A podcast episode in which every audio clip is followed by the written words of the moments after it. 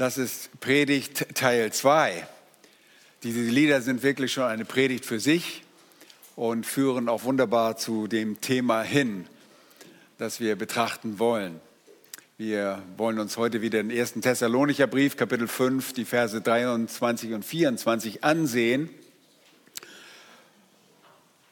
und dort den Gebetswunsch nach Heiligung, dort wo die Missionare, unser Missionsteam den Gebetswunsch ausdrückt, dass die Thessalonicher auch heilig sein mögen, geheiligt werden. Und wir haben uns beim letzten Mal schon mit diesem Thema beschäftigt. Wir haben das Wesen der Heiligung uns angesehen. Wir haben uns die Quelle der Heiligung angesehen. Wir haben uns das Ausmaß der Heiligung angesehen und waren jetzt im vierten Punkt bei dem es um die Bestandteile der Heiligung ging. Und dort wollen wir heute auch fortsetzen. Aber lasst uns zunächst einmal den Bibeltext noch einmal zusammen lesen. Da heißt es in Vers 23 und 24, er selbst aber, der Gott des Friedens, heilige euch durch und durch und unser ganzes Wesen, der Geist, die Seele und der Leib, möge untadelig bewahrt werden bei der Wiederkunft unseres Herrn Jesus Christus. Treu ist er, der euch beruft.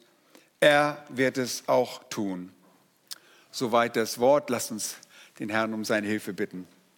Herr, wir beten, rede du durch dein Wort und wir bitten auch, dass dieser Text uns herausfordert, dass wir uns selbst heiligen, aber wir bitten dich vor allen Dingen, dass du uns heiligst.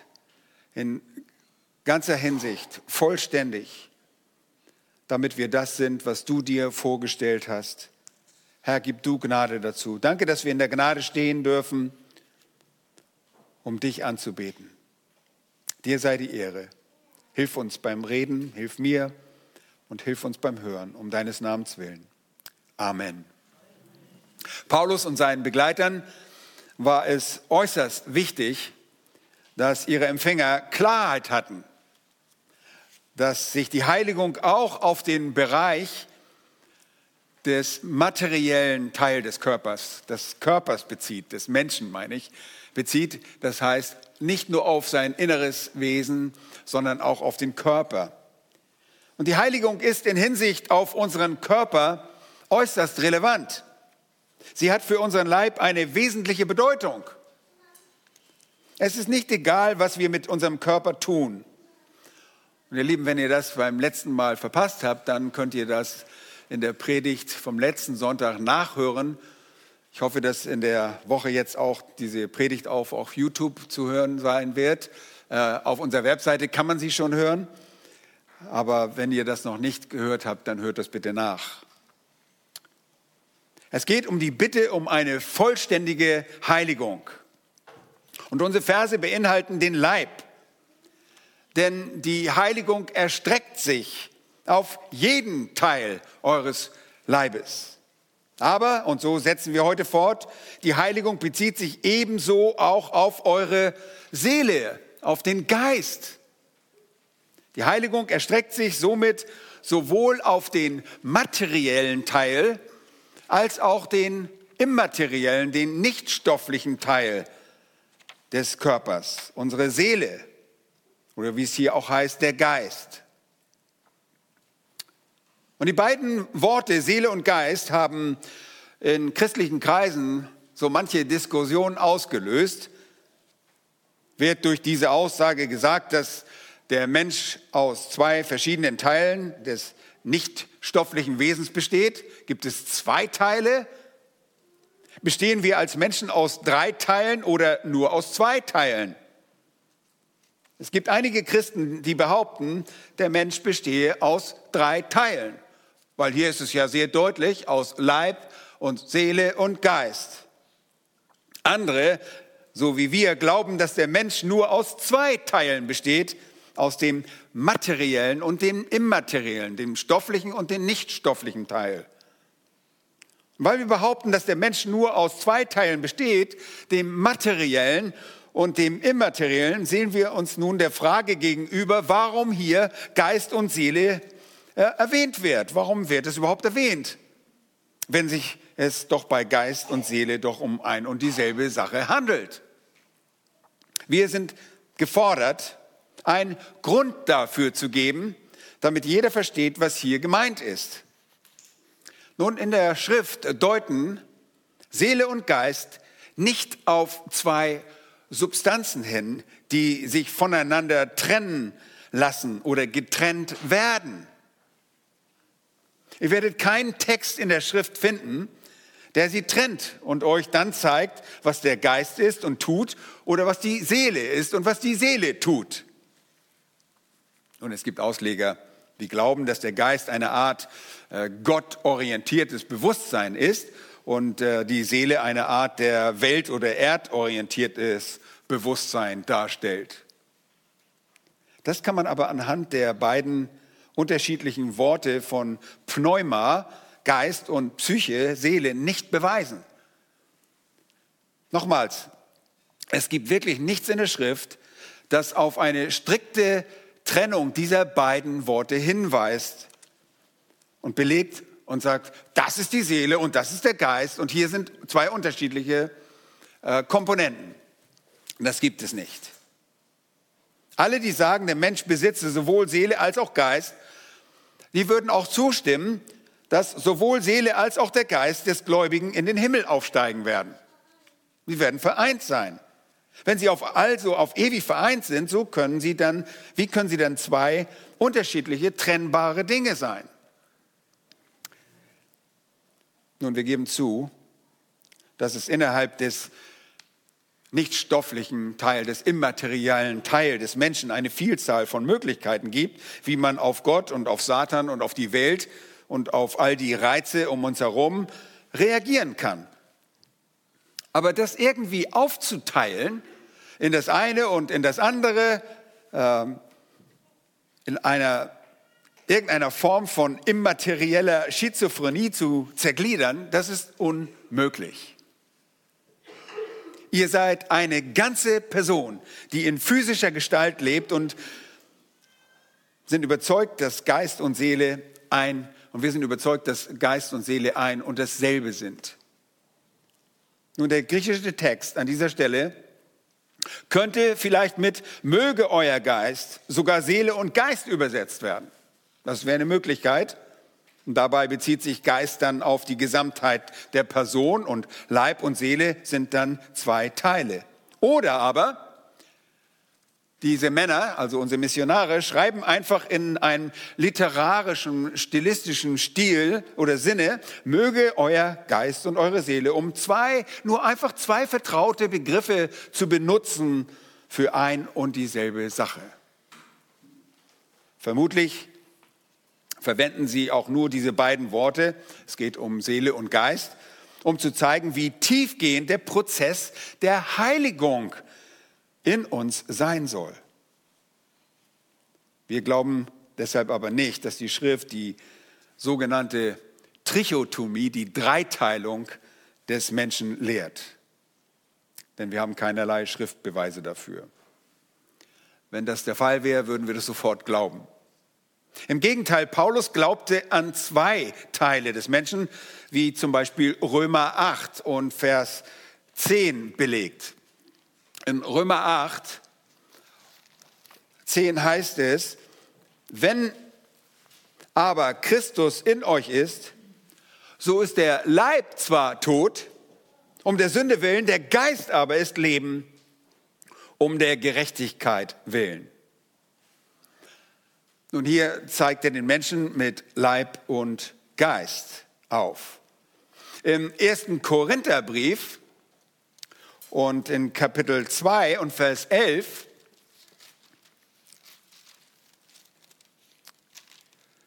1. Korinther 2, Vers 11, sagt er, denn wer von den Menschen kennt die Gedanken des Menschen als nur der Geist des Menschen, der in ihm ist?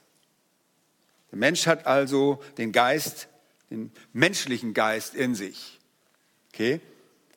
Es gibt nur den äußeren Menschen und den Geist, der in ihm wohnt. Und Wir reden jetzt nicht vom Heiligen Geist, sondern dem Geist des Menschen. Später in Kapitel 5, auch im ersten Korintherbrief, sagt er in Vers 3, belegt er wieder Leib und Geist. Und in Vers 5 spricht er über die Zerstörung des Fleisches, während der Geist gerettet wird, Fleisch und Geist. Kapitel 7 und Vers 34 spricht er von heilig am Leib als auch im Geist. In 2. Korinther 7, Vers 1 erhalten wir dazu einen Hinweis. Dort sagt er, so wollen wir uns reinigen von aller Befleckung des Fleisches. Was ist der Fleisch? Das ist der stoffliche Teil und des Geistes zur Vollendung der Heiligkeit. Nun, er sieht also diese beiden Bestandteile des Menschen, die auch zur Vollendung gebracht werden. Sowohl der Leib als auch der Geist bzw. die Seele werden zur Vollendung gebracht.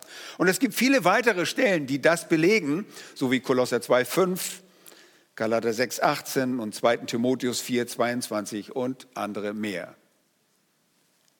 Abgesehen von diesem Text stellt auch kein anderer Text nie drei Teile nebeneinander. Und wir glauben deshalb, dass die Begriffe Geist und Seele austauschbar verwendet werden. Sie beschreiben denselben nicht stofflichen Teil des Menschen. Versteht ihr das? Geist und Seele beschreiben den nicht stofflichen Teil des Menschen. Paulus und seine Begleiter verdoppeln das hier, um alle geläufigen Worte zu verwenden, die die tiefgehende Heiligung anzeigen, wie tief diese Heiligung reichen soll. Übrigens, es kommt sehr häufig vor, dass wir ähnliche Worte und ja, nebeneinander stellen. Ihr kennt, wisst, was Synonyme sind. Wir brauchen Synonyme. Ich gebrauche sie sehr gern, gern um etwas zu verdeutlichen. Wenn etwas ja, schwerer zu verstehen ist, benutzen wir noch ein weiteres Synonym. Und wenn ihr in Matthäus 22, Vers 37 mal aufschlagt, das dürft ihr gerne mal tun, Matthäus 22, Vers 37.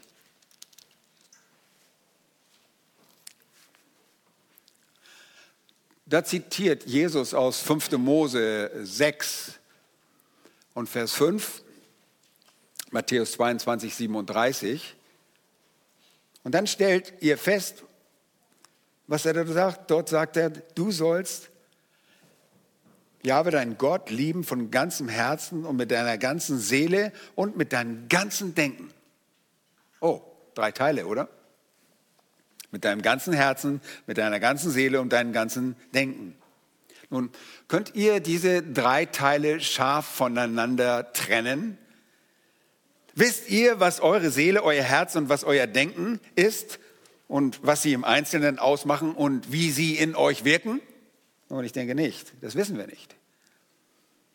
Hier werden einfach alle Begriffe zusammengenommen, um den ganzen Menschen zu betonen. Was ist aber mit Hebräer 4, Vers 12? Und ich denke, einige von euch haben schon an diesen Vers gedacht. Gibt es damit nicht ein Problem? Ihr wisst, Hebräer 4, Vers 12, ich lese es vor. Da heißt es, denn das Wort Gottes ist lebendig und wirksam und schärfer als jedes zweischneidige Schwert und es dringt durch, bis es scheidet sowohl Seele als auch Geist. Huch! Oh, meine Güte. Es gibt es doch etwas, das den Geist und die Seele scheidet. Oder? Hier ist doch etwas, was die Seele und den Geist trennt. Nun, das ist sehr unwahrscheinlich. Denn dort steht nicht unbedingt, dass es einen Unterschied zwischen diesen beiden Dingen gibt. Das Schwert, so sagt der Schreiber des Briefes, dringt durch, nicht unbedingt so weit, dass es die Seele vom Geist scheidet. Er sagt nicht, dass die Seele vom Geist geschieden wird. Das Schwert, so sagt der Schreiber, dringt durch. Es dringt durch. Er sagt, das Schwert dringt durch und legt die Seele beziehungsweise den Geist offen dar. Ich stelle mir das einfach so vor, wie ein Chirurg, der ein Seziermesser nimmt und der einen Schnitt vollzieht. Nicht um etwas zu trennen und wegzuschmeißen oder einen Teil wegzuwerfen und den anderen zu behalten, sondern um etwas offen zu legen, vielleicht an etwas heranzukommen.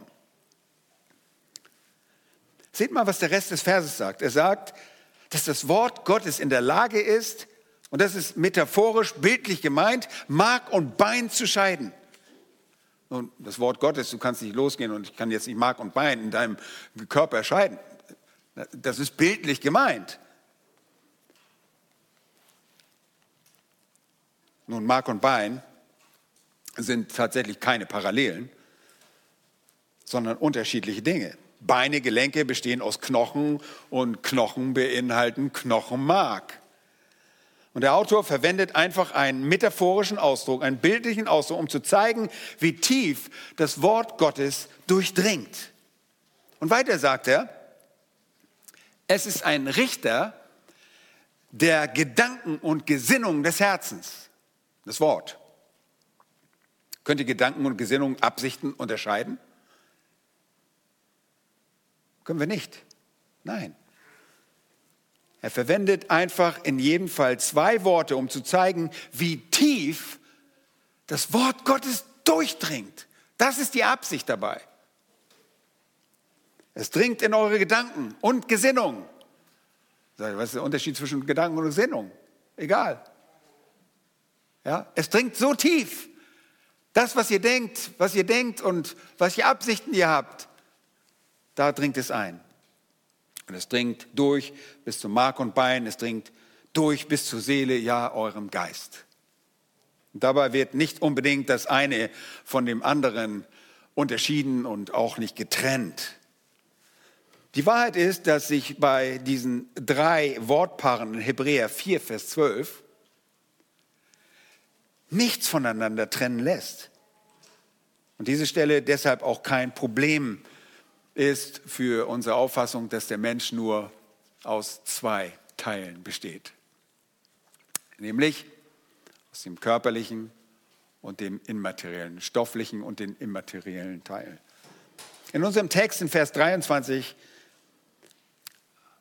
in 1. Thessalonicher 5, 23, geht es einfach darum, ihr Lieben, dass die Heiligung jeden Teil durchdringt und alles öffnen soll sodass nichts unberührt bleibt.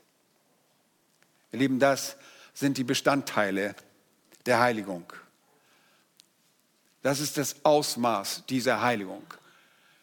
Seele und Leib. Nun lasst uns sehen, was unser Text noch sagt.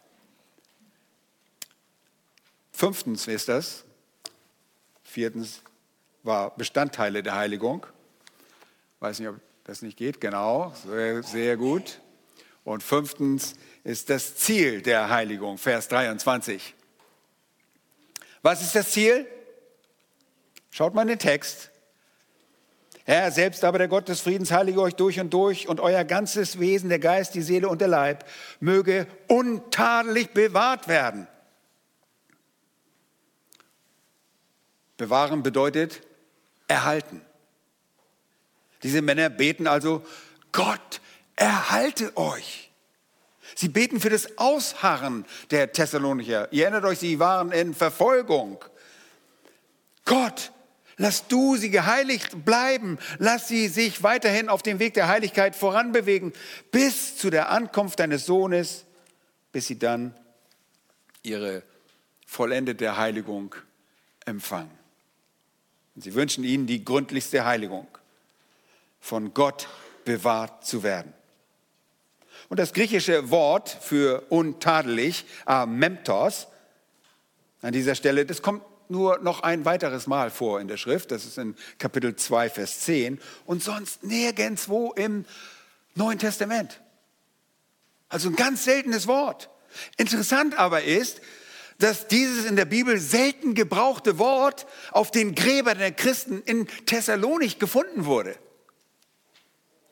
Archäologische Ausgrabungen in der Stadt haben genau das zutage gebracht. Man hat dieses Wort auf den Gräbern gefunden. Wenn man da, damals also Christen als einzigartig identifizierte, dann schrieben sie einfach Amemptos, untadelig auf ihr Grab.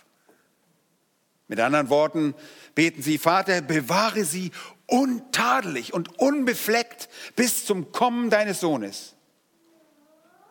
Und dabei reden sie von zwei Dingen. Erstens, für ihre Bewahrung, obwohl sie diese bereits versprochen ist, sowie zweitens für den kontinuierlichen, den fortlaufenden Prozess der Heiligung zur Heiligkeit. Und im Prinzip sagen sie, Vater, bringe du doch diesen Prozess zu einem krönenden Abschluss. Vater, lass sie vollkommen geheiligt werden, lass sie untadelig bleiben. Ihr Lieben, das ist das Ziel der Heiligung. Nun, wir kennen nun das Wesen der Heiligung. Wir kennen die Quelle, den Gott des Friedens, die Quelle der Heiligung. Wir kennen das Ausmaß, nämlich vollständig und umfasst alle Bestandteile des Menschen.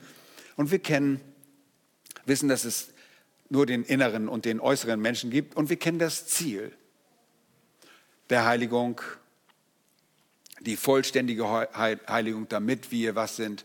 Unheimlich tadelig. Und der Text zeigt, uns eine weitere Wahrheit der Heiligung, nämlich den Höhepunkt der Heiligung. Sechstens, der Höhepunkt der Heiligung. Vers 23 schaut nochmals. Am Ende von Vers 23 lesen wir, untadelig bewahrt werden bei der Wiederkunft unseres Herrn Jesus Christus. Das ist der Höhepunkt. Wenn der Herr kommt, Ihr Lieben, dann werden Sünder gerichtet. Sünder werden gerichtet. Aber während der Sünder gerichtet werden, sollen alle Christen untadelig sein, wenn der Herr Jesus Christus erscheint. Wenn wir auf dem Weg der Heiligung voranschreiten, immer noch bekleidet mit der Gerechtigkeit Christi, dann werden wir bei diesem großartigen Höhepunkt der für uns die Entrückung der Gemeinde ist, die Ankunft, die Parosie. Wenn er kommt und uns findet, dann werden wir als treu erfunden werden. Und dann möge er die versprochene endgültige Heiligung vollbringen. Und Paulus, Silas und Timotheus haben hier, so glauben wir, die Entrückung im Sinn und betet, bewahre sie immer weiter, Herr, bewahre sie bis zur Erscheinung deines Sohnes. Und die Entrückung wurde in Kapitel 4, ihr erinnert euch, genau beschrieben. Das also, ihr Lieben, ist der Höhepunkt, der Höhepunkt der Heiligung. Und schließlich kommen wir zu Vers 24 und erkennen darin die Gewissheit der Heiligung.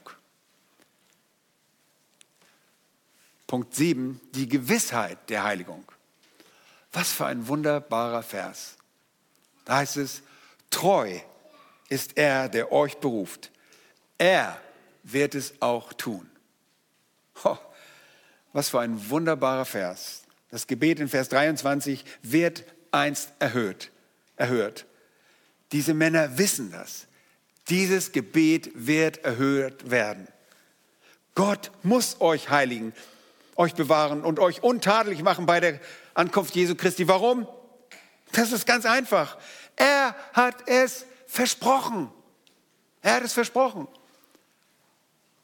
Und nun, wir können sagen, ja, die Menschen versprechen so manches, aber Gott, was er verspricht, das trifft ein. Denn Gott ist, was sagt der Text? Er ist treu. Er ist treu.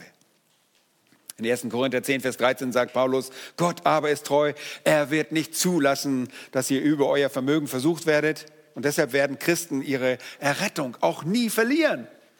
Es liegt nicht an dir, dass du deine Errettung, wenn du errettet bist, behältst. Du würdest es an einem Tag vermurksen. Aber Gott bewahrt dich, er ist treu. Gott wird treu sein und euch nie so prüfen, dass ihr eure Errettung verlieren könntet. Macht euch keine Sorgen über das Ende, macht euch keine Sorgen über die vollendete Heiligung, macht euch viel mehr Sorgen worüber, dass ihr so seid wie Christus und der Herr ist. Macht euch auch keine Sorgen über die fortschreitende, bewahrende Heiligung. All das kommt von Gott. Er hat es versprochen. Er wird es tun denn treu ist er, der euch beruft. Und hier ist die wirksame Berufung gemeint, die zur Errettung führt. Das ist die Errettung. Macht euch keine Sorgen. Wenn Gott euch berufen hat, wird er all das tun. Er tut, was er sagt. Die Schrift ist voll von Zeugnissen der Treue Gottes. Und deshalb können Christen sich sicher sein, dass er nicht aufgibt. Wir denken manchmal, ich kann nicht mehr, ich kann nicht mehr, ich kann nicht mehr. Gott kann noch und er gibt auch nicht auf. Die Errettung des Christen ist aufgrund seiner Person sicher, aufgrund seines Wesens sicher. Gott beruft uns in Gnade und verleiht uns die Gnade zu glauben. Gott verleiht uns ebenso die Gnade, nicht aufzugeben. Wir werden nicht aufgeben. Und für die Herrlichkeit der vollendeten Heiligung werden wir bewahrt. Das ist das, was der Vers hier sagt. Und so deutlich sagt Paulus das auch den Philippern in Philipper Kapitel 1, Vers 6. Er sagt, ich bin überzeugt davon, dass der, welcher in euch ein gutes Werk begonnen hat, es auch vollenden wird bis auf den Tag Jesu Christi. Seht ihr? Das, was Gott in uns anfängt. Meint ihr, dass er seine Hände zusammenschlägt und sagt, ach, was für ein hoffnungsloser Fall. Das können wir manchmal von uns denken, wenn wir selber uns anschauen, oder? Denken wir, wir sind hoffnungslos. Aber für Gott sind wir keine hoffnungslose Fälle. Er wird es vollenden. Und er hat es begonnen und deshalb wird er es auch vollenden. Ja, er ist treu. Und hier wird uns die Kraft Gottes versprochen und unsere vollendete, vollendete Heiligung garantiert. Wir haben die Heiligung gemäß unserer Stellung in Christus und wir haben die vollendete Heiligung. Beide sind uns garantiert. Und der Prozess, der zwischendrin abläuft, zwischen der Zukunft und der Vergangenheit, ist hier die Leidenschaft dieser Männer. Und dafür beten sie, dass wir auf dem Weg im Heiligungsleben fortlaufend vorankommen mögen. Und so durchlaufen wir den Prozess der Heiligung und bewegen uns immer weiter weg. Wovon? Erinnert ihr euch noch? Wir bewegen uns weg von der Sünde hin zur Heiligkeit Gottes. Denn wir wollen sein, wie Gott ist. Und wir haben das heute mehrfach gesungen. Gott ist heilig. Und so wollen wir sein, liebe Geschwister. Wir müssen diesen Prozess alle richtig verstehen. Und das ist so von grundlegender Bedeutung. Und ich möchte euch deshalb ein paar prägnante, kurze Grundsätze geben, die euch äh, helfen und die ihr euch merken könnt. Ihr braucht dieses Verständnis für den Prozess dieser geistlichen Entwicklung zur Heiligung hin. Es ist die Entwicklung weg von der Sünde, nochmals, und hin zur Heiligkeit. Und die zeichnet jeden wahren Christen aus.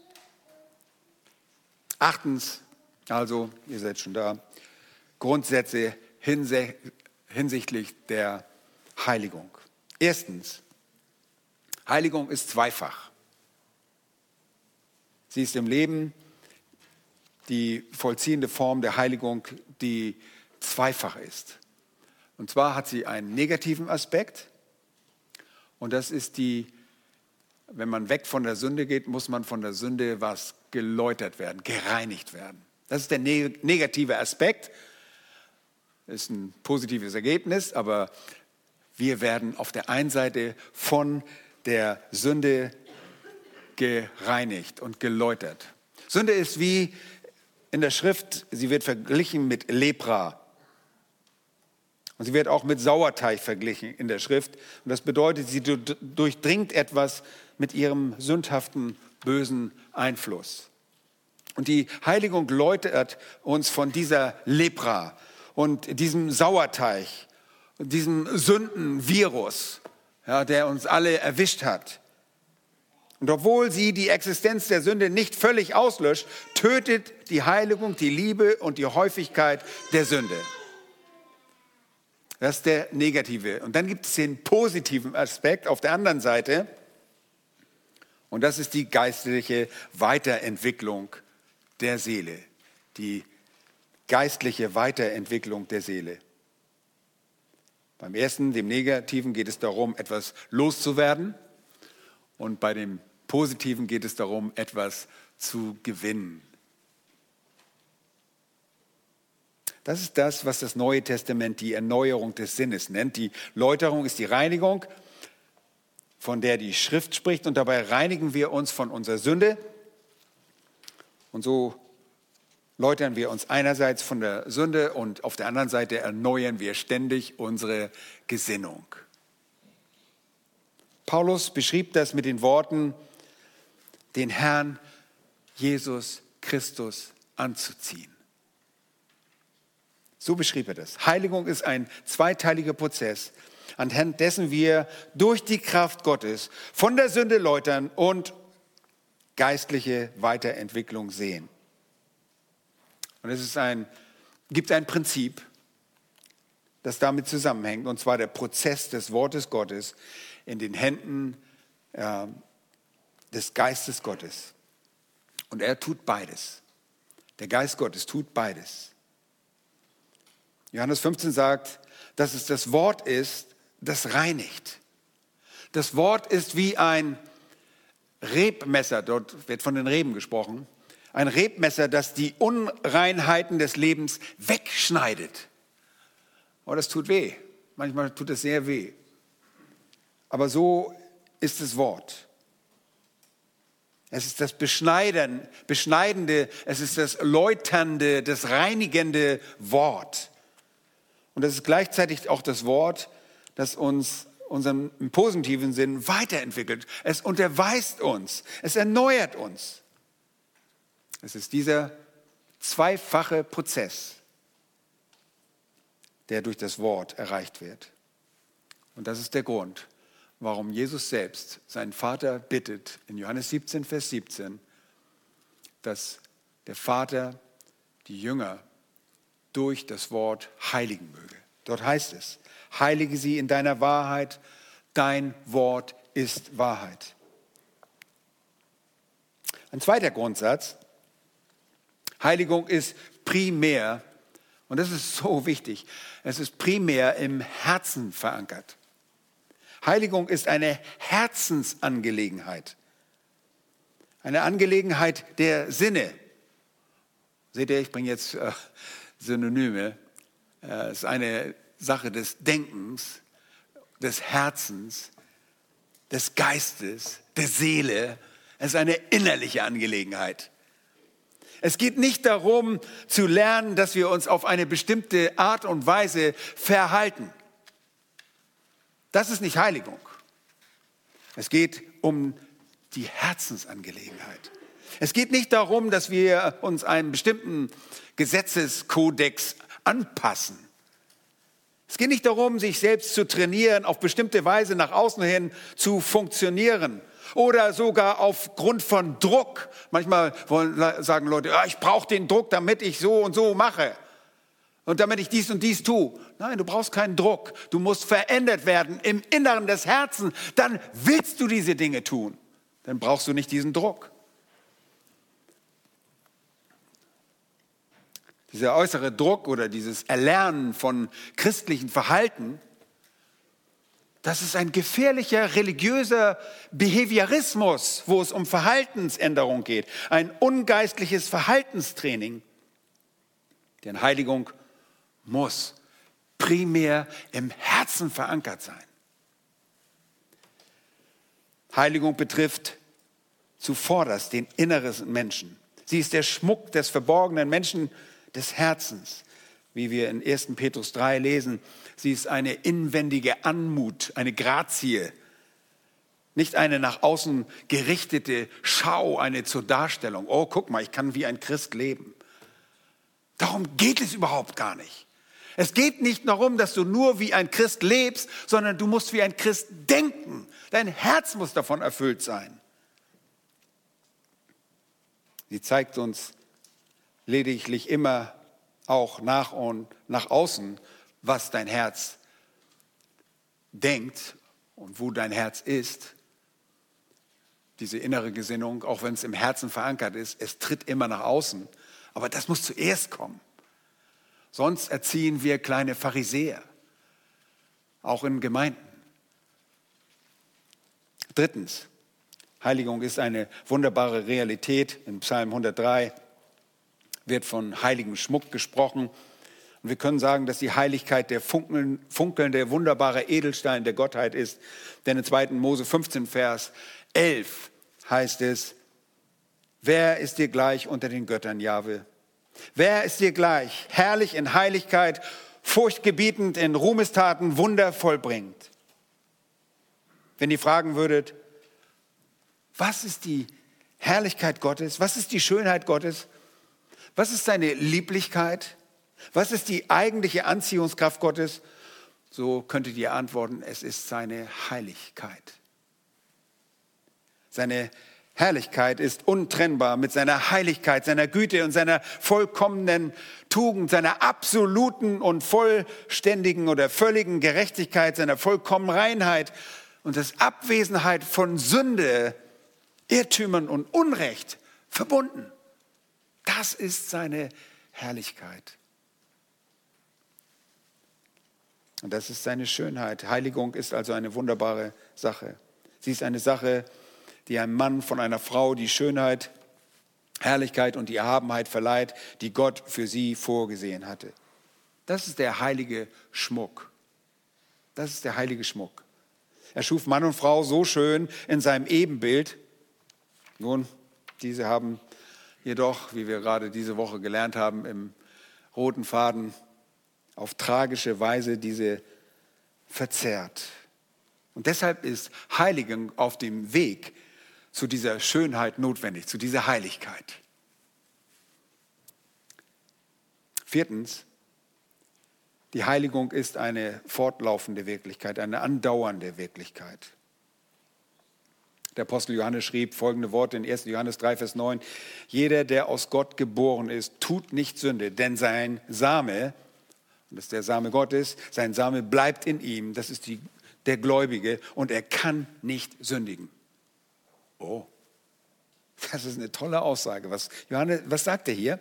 Er sagt, als ihr errettet wurdet, da wurde der Same in euch gepflanzt, der Same der Gerechtigkeit, der göttliche Same des Lebens.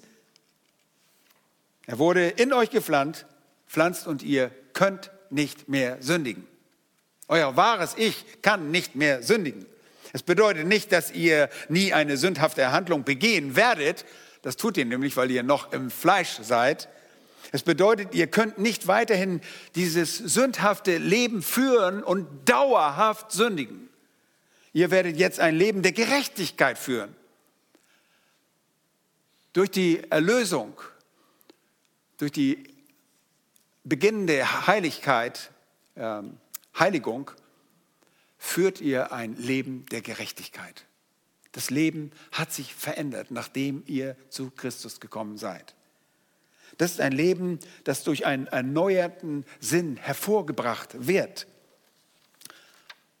Und dieser Sinn ist in euch. Und der Fortschritt, Fortschritt für dieses Leben, ihr Leben, der mag manchmal sehr, sehr langsam sein. Und es gibt Zeiten, wo es so aussieht, als ob die Heiligung irgendwo eine Eklipse erreicht hat. Dennoch, sie schreitet voran, sie entwickelt sich weiter, denn der göttliche Same der Gerechtigkeit bleibt in euch und ihr könnt nicht mehr unaufhörlich sündigen. Das ist eigentlich das, was da gemeint ist. Man kann bei 1. Johannes sehr leicht durcheinander kommen, wenn man die griechische Verbform nicht kennt. Ihr könnt nicht fortlaufend sündigen. Das tut kein Christ sondern wir reinigen uns immer, wenn wir sündigen. Als seine Kinder könnt ihr das nicht. Es ist unmöglich. Der Same, der die Heiligung hervorbringt, der bleibt in euch. Fünftens gibt es Stufen der Heiligung. Oder ihr könnt auch sagen, Heiligung ist relativ. Und das ist anders als bei der Rechtfertigung. Wenn ihr gerechtfertigt worden seid, seid ihr errettet. Es gibt entweder gerettet sein oder verloren sein. Es geht entweder, ihr seid solche, die das Leben besitzen oder solche, die das Leben in Gott nicht besitzen. Und das ist, gibt entweder nur dies, das ein oder das andere. Es gibt keine unterschiedlichen Stufen. Das ist nicht relativ. Rechtfertigung und euer Errettung ist nicht relativ. Aber wenn es um die Heiligung geht, dann ist sie relativ. Und wir können von einigen Christen nie sagen, er sei gar nicht geheiligt oder er sei vollkommen geheiligt. Ja, ein Christ ist immer geheiligt, immer. Und er wird geheiligt sein, aber wir können nie sagen, oh, guck mal, den habe ich gesehen, der guckt so, so heilig, der ist vollkommen heilig. Nein, das können wir nicht sagen. Wir sind dazwischen und das ist ein relativer Zustand. Wir können von einem Christen das nie sagen. Es ist ein Prozess zwischen der anfänglichen Heiligung und der vollendeten Heiligung. Und deshalb ist sie auch relativ. Ein Christ baut seine geistliche Gestalt also ständig aus. Es ist ein fortlaufender Prozess. Sechstens, so, das ist so ein wichtiger Punkt. Heiligung kann vorgetäuscht bzw. nachgeahmt werden. Heiligung kann vorgetäuscht bzw. nachgeahmt werden. Ihr Lieben, es kann euch und mir so vorkommen, als ob jemand geheiligt werde, während das in Wirklichkeit oder unter Umständen nicht einmal der Fall ist. Es kann sein, dass Menschen nach außen hin all die richtigen Dinge tun und sich in die richtige Richtung bewegen, während das in Wirklichkeit auf sein Herz nicht zutrifft. Das ist ganz gefährlich. Es sind einige dieser Täuschungen beziehungsweise Fälschungen, die es auch in der Gemeinde gibt. Eine davon wäre moralische Tugend. Es gibt einige Menschen, die aus verschiedenen Gründen gerecht erscheinen, die aus verschiedenen Gründen vor, unvoreingenommen sind. Einige Menschen, die nicht unmoralisch leben und die müssen noch nicht mal in der Gemeinde sein. Es gibt wirklich Leute, die sagen, nein, also das würde ich nie tun. Und sie leben, ihr guckt, die sind nicht mal geschieden, nach 50 Jahren leben die immer noch zusammen, sind keine gläubigen Menschen, aber die sind immer noch zusammen, ganz moralisch. Und es gibt einige Menschen, die ein Leben ohne Skandale führen. Es gibt Menschen, die loyal sind, die anständig sind, die freundlich sind und einige Menschen, die großzügig sind. Die spenden jedes Jahr eine große Summe an Brot für die Welt oder was auch immer. Und es gibt einige Menschen, die schwer arbeiten und einige Menschen, die große Opfer darbringen für andere. Und wieder andere sind Menschenfreunde, aber unter dem Deckmantel dieser menschlichen Güte, ihr Lieben, verbirgt sich doch immer noch der Wurm des Unglaubens. Nach außen, ja, aber nicht im Herzen. Moralische Tugend kann auch ohne Heiligung existieren. Ungläubige Menschen, die Gott nicht können, können an der Oberfläche moralisch tugendhaft sein. Und es gibt zwei, es gibt eine zweite Täuschung, die wir die man religiösen Aberglauben nennen könnte.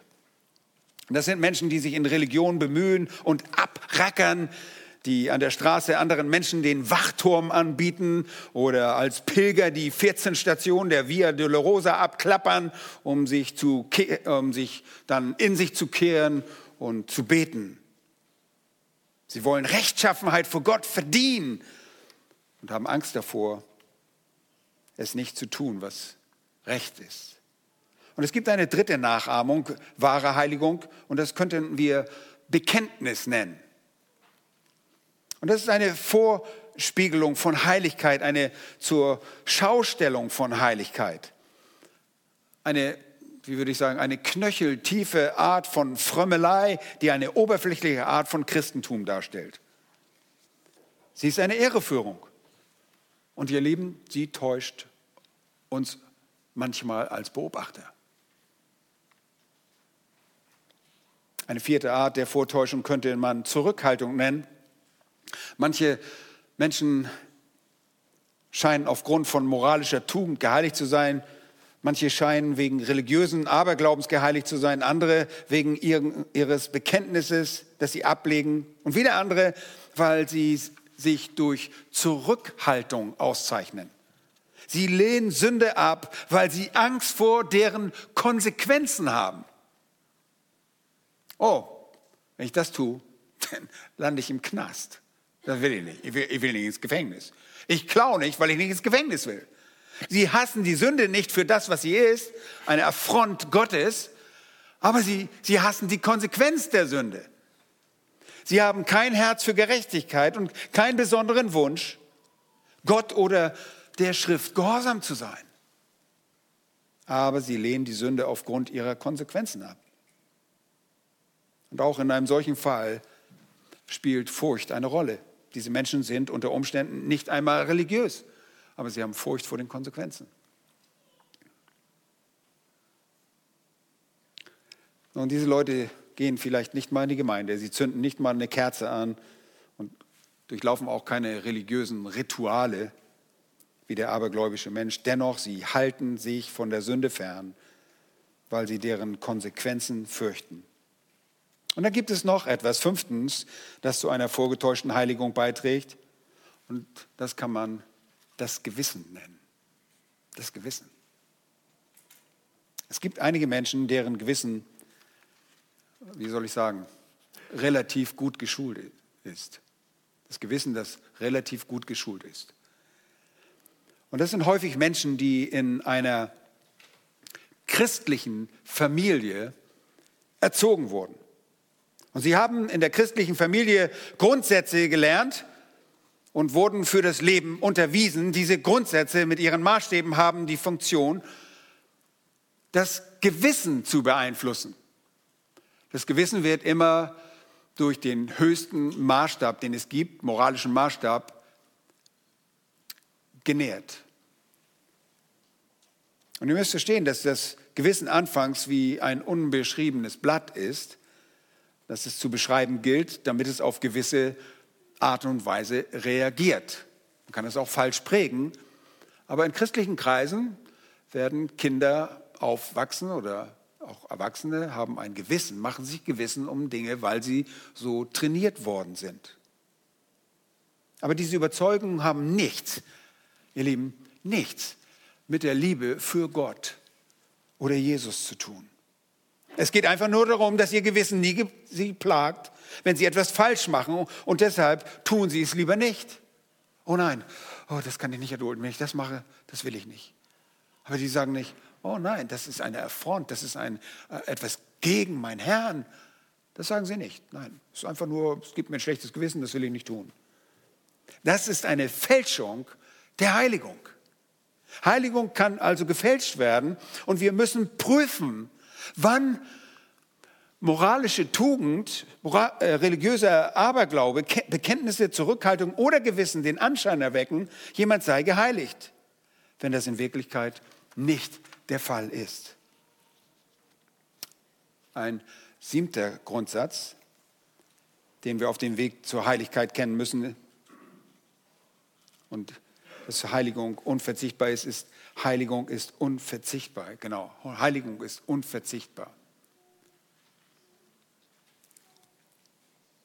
Und dafür gibt es eine Reihe von Gründen. Ich werde euch nur ein paar nennen. Gott beruft Gott uns zur Heiligung. Ihr habt es schon gehört in 1.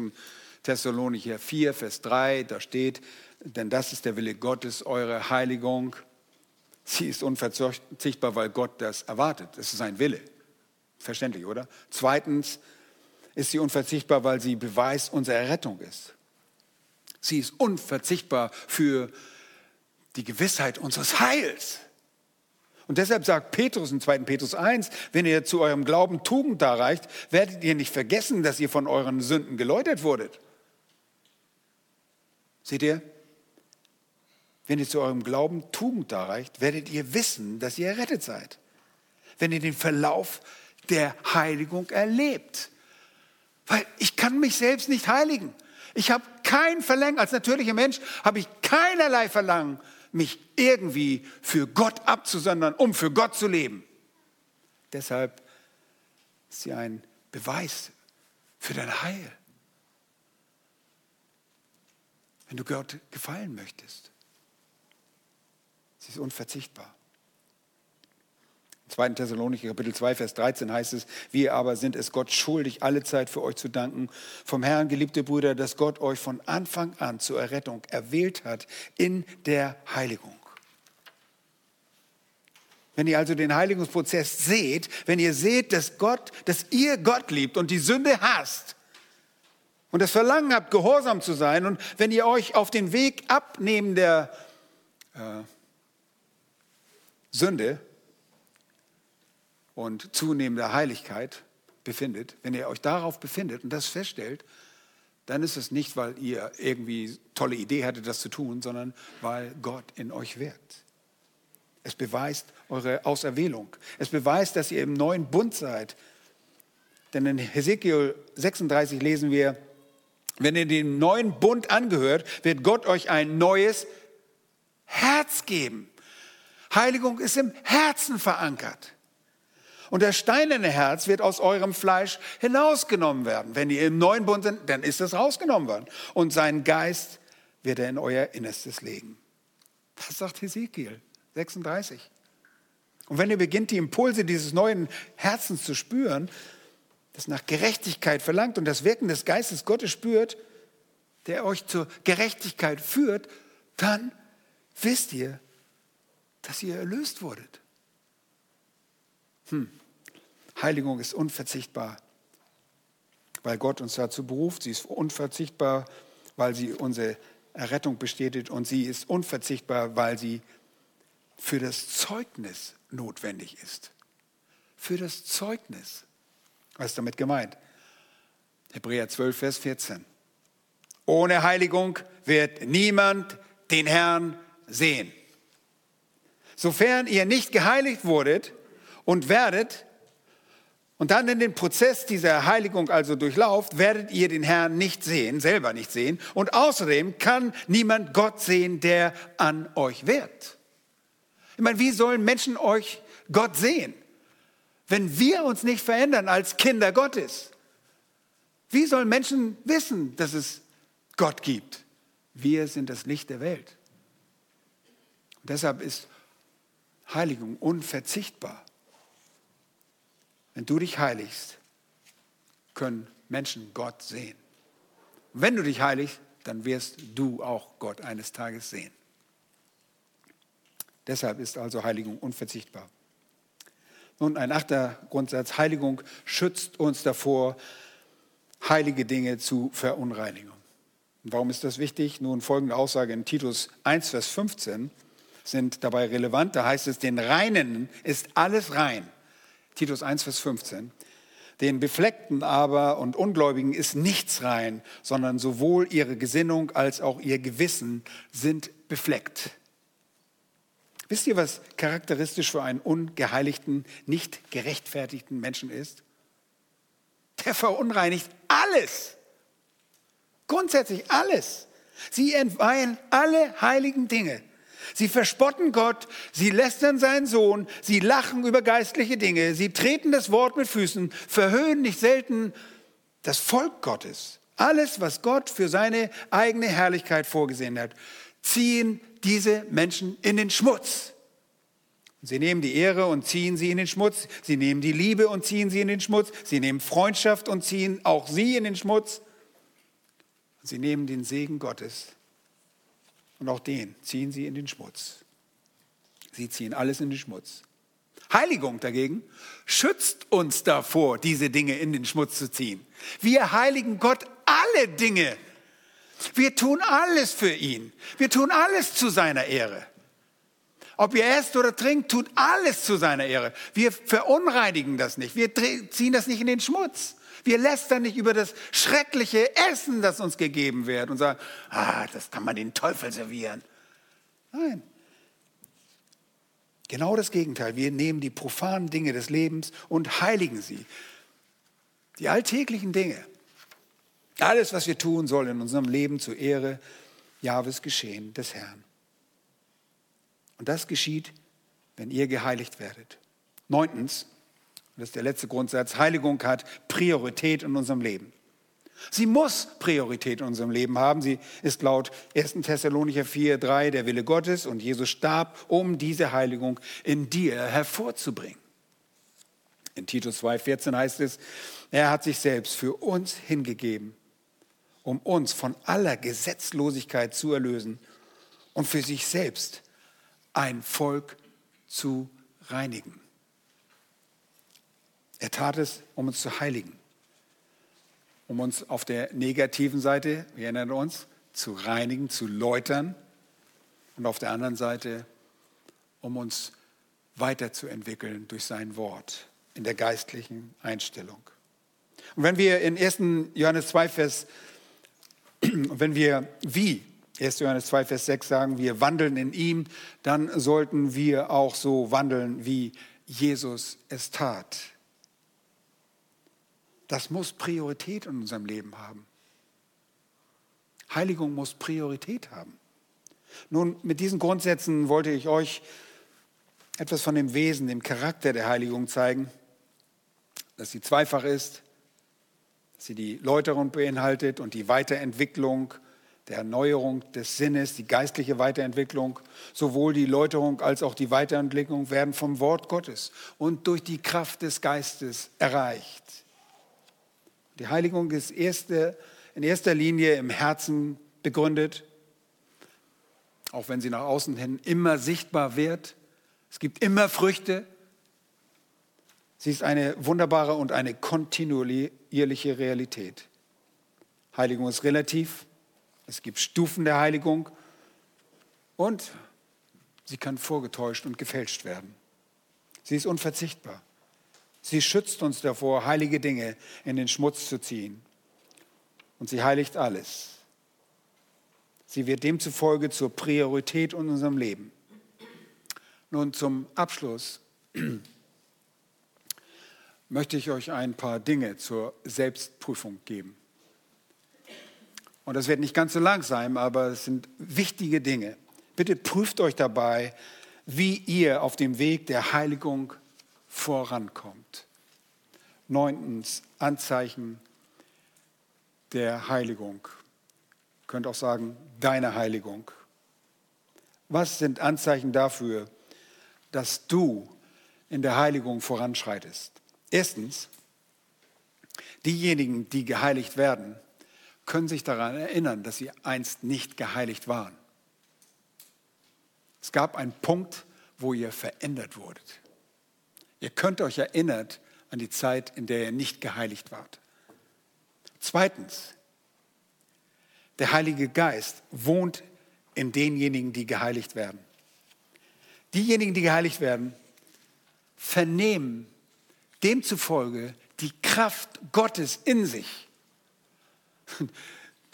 Du kannst es nicht. Du kannst dich nicht verändern. Habt ihr mal versucht, euch zu verändern? Ich meine nicht von äh, äh, Punkt A nach B zu ziehen, sondern vom Charakter her, vom Wesen. Das könnt ihr nicht. Unmöglich. Gott kann es, Kraft seines Geistes. Drittens, diejenigen, die geheiligt werden, haben eine starke Abneigung gegen die Sünde. Wir hassen sogar die Sünde. Selbst oder sogar ganz besonders die Sünde in unserem eigenen Leben. Ich meine nicht die, die Sünde der anderen, sondern unsere eigene Sünde die müssen wir hassen wie die Pest. Das hat Paulus fast zur Verzweiflung gebracht. Ich elender Mensch, hat er gesagt, Römer 7. Wer wird mich erlösen von meinem Todesleib? Viertens, diejenigen, die geheiligt werden, sind bestrebt, ihre geistliche Pflicht zu erfüllen, weil ihr Herz von der Liebe Christi bewegt wird. Erinnert ihr euch, was Paulus in 2. Korinther 5, Vers 14 sagte. Er sagte, denn die Liebe des Christus drängt uns. Die Liebe des Christus drängt. Diejenigen, die geheiligt werden, sind bestrebt, ihre geistliche Pflicht zu erfüllen, weil wir von der Liebe des Herrn, die er zu uns hat, wir lassen uns durch diese Liebe, die er zu uns hat, bewegen. Wir lieben, weil er uns zuerst geliebt hat. Wir ziehen das Pferd nicht anders auf. Oh, wir müssen alle Jesus lieben. Weißt du, du wirst Jesus nie lieben, wenn du nicht seine Liebe zuerst erkannt hast. Das hat die Priorität. Frag dich, ob du ihn liebst. Fünftens, diejenigen, die den Prozess der Heiligung durchlaufen, weisen ein diszipliniertes Leben auf. Petrus schrieb, wenn ihr alle diese Dinge zu eurem Leben hinzufügt, dann wisst ihr, dass ihr geheiligt werdet. Sittliche Vortrefflichkeit, Tugend, Liebe, All jene Dinge. wie wir auch in 2. Petrus 1 lesen können. Und in 1. Petrus 1, Vers 15 sagt er, sondern wie der, welcher euch berufen hat, heilig ist, sollt auch ihr heilig sein in eurem ganzen Wandel. Und das ist ein diszipliniertes Leben. Es ist nicht ein Leben, das mal, oh, komme ich morgen, komme ich heute, oh, heute habe ich keinen Bock. Und irgendwie. Es ist ein diszipliniertes Leben, das sich an die Worte Gottes hält. Heilig zu sein bedeutet, sein Verhalten unter Kontrolle zu haben, ein diszipliniertes Leben aufzuweisen. Sechstens, diejenigen, die geheiligt werden, haben ein starkes Verlangen danach, Christus zu dienen. Sie werden ihre Leiber als lebendige Opfer darbringen. Erinnert an Römer 12. Wir werden Christus dienen. Das werden wir auch noch im Buch Malachi erkennen. Jemand, der den Herrn fürchtet, der dient ihm. Und fragt sich, diene ich dem Herrn ganz bewusst? Oder diene ich nur mir selbst? Ist es nur, oh, ja, dadurch habe ich Vorteile, wenn ich das mache, das bringt mir das ein. Nein, bist du bereit, ein Diener des Christus zu sein? Und solche Leute werden, wie der Apostel Paulus es ausdrückt, danach streben, ein geheiligtes Gefäß der Ehre zu sein, nützlich für den Herrn, zugerüstet für jedes gute Werk. Siebtens, Diejenigen, die geheiligt werden, lieben das Wort Gottes. Sie lieben das Wort Gottes. Die brauchen nicht irgendwie einen Druck von außen und sagen, oh ja, peitsch mich an, dass ich das Wort lebe, lese. Ich brauche diesen Druck. Nein, du möchtest dieses Wort lesen. Wie kann es sein, dass du angetrieben werden musst, das Wort Gottes zu leben, das dein Lebensinhalt ist? Das kann nicht sein. Prüfe dich ernsthaft. Liebst du das Wort Gottes? Das Wort wohnt reichlich in euch. Und ihr werdet mit dem Psalmisten sagen, wie habe ich dein Gesetz so lieb? Oh, wann kann ich das nächste, nächste Mal von deinem Wort hören? Lass mich in die Bibelstunde gehen, lass mich, lass mich das hören. Ich kann nicht warten, was aus dem Wort Gottes hören. Ist das in deinem Leben so? Prüfe dich. Achtens, mein letzter Punkt, diejenigen, die geheiligt werden, verkehren mit anderen Menschen, die geheiligt werden. Ihr habt Umgang mit Menschen, die Christus lieben und die sich selbst heiligen. Sie wählen die Gesellschaft der Heiligen, denn Paulus sagte in 1. Korinther 15, 33, schlechter Umgang verdirbt gute Sitten. Oh, das wollen wir nicht. Menschen, die geheiligt werden, wollen gute Sitten nicht verderben. Sie suchen sich guten Umgang aus. Sie suchen nach Gemeinschaft mit Christen. Warum? Damit wir, wie Hebräer 10 sagt, damit wir uns gegenseitig anspornen zur Liebe und zu guten Werken, die Gott zuvor bestimmt hat, Epheser 2,10, dass wir darin leben. Wenn ihr also jemand seid, der geheiligt wird, werdet ihr euch an eine Zeit erinnert, als ihr es nicht wart. Ihr könnt eure Fortschritte sehen, ihr werdet das Wirken des in euch lebenden Geistes erfahren. Denn so etwas wie einen Christen ohne den Heiligen Geist gibt es nicht. Wenn ihr geheiligt werdet, werdet ihr deshalb auch eine wachsende Abneigung gegen Sünde haben. Und gleichzeitig möchtet ihr eure geistlichen Pflichten aufgrund von Gottes Liebe ausführen. Und ihr werdet ein diszipliniertes Leben vorweisen und das Verlangen haben, Christus zu dienen. Ihr werdet das Wort lieben und ihr werdet gerne in der Gemeinschaft der Heiligen sein. Und schließlich werdet ihr mit dem Psalmist das Gebet aus Psalm 51, Vers 12 sprechen können. Erschaffe mir, o Herr, ein reines Herz und gib mir von neuem einen festen Geist in meinem Innern. Lass uns beten. Und genau das erbitten wir von dir, lieber Vater. Festige du meinen Geist in dir. Heilige du mich völlig. Nimm du bitte meinen Leib, mein ganzes Wesen, mein Herz, mein Sinn, mein Trachten und reinige du es. Bewege du mich auf dem Weg weg von der Sünde. Bewege du mich auf dem Lebensweg mehr und mehr zu deiner Heiligkeit. Lass mich dich mehr und mehr lieben, denn du hast mich völlig und zuerst geliebt. Du liebst mich bis zum Ende wirke du in mir Kraft deines Geistes die Frucht, die dich ehrt und dir allein wohlgefällig ist. Gepriesen seist du, heiliger Gott, Jahwe, drei einer Gott, Vater, Sohn und Heiliger Geist. Amen. Amen.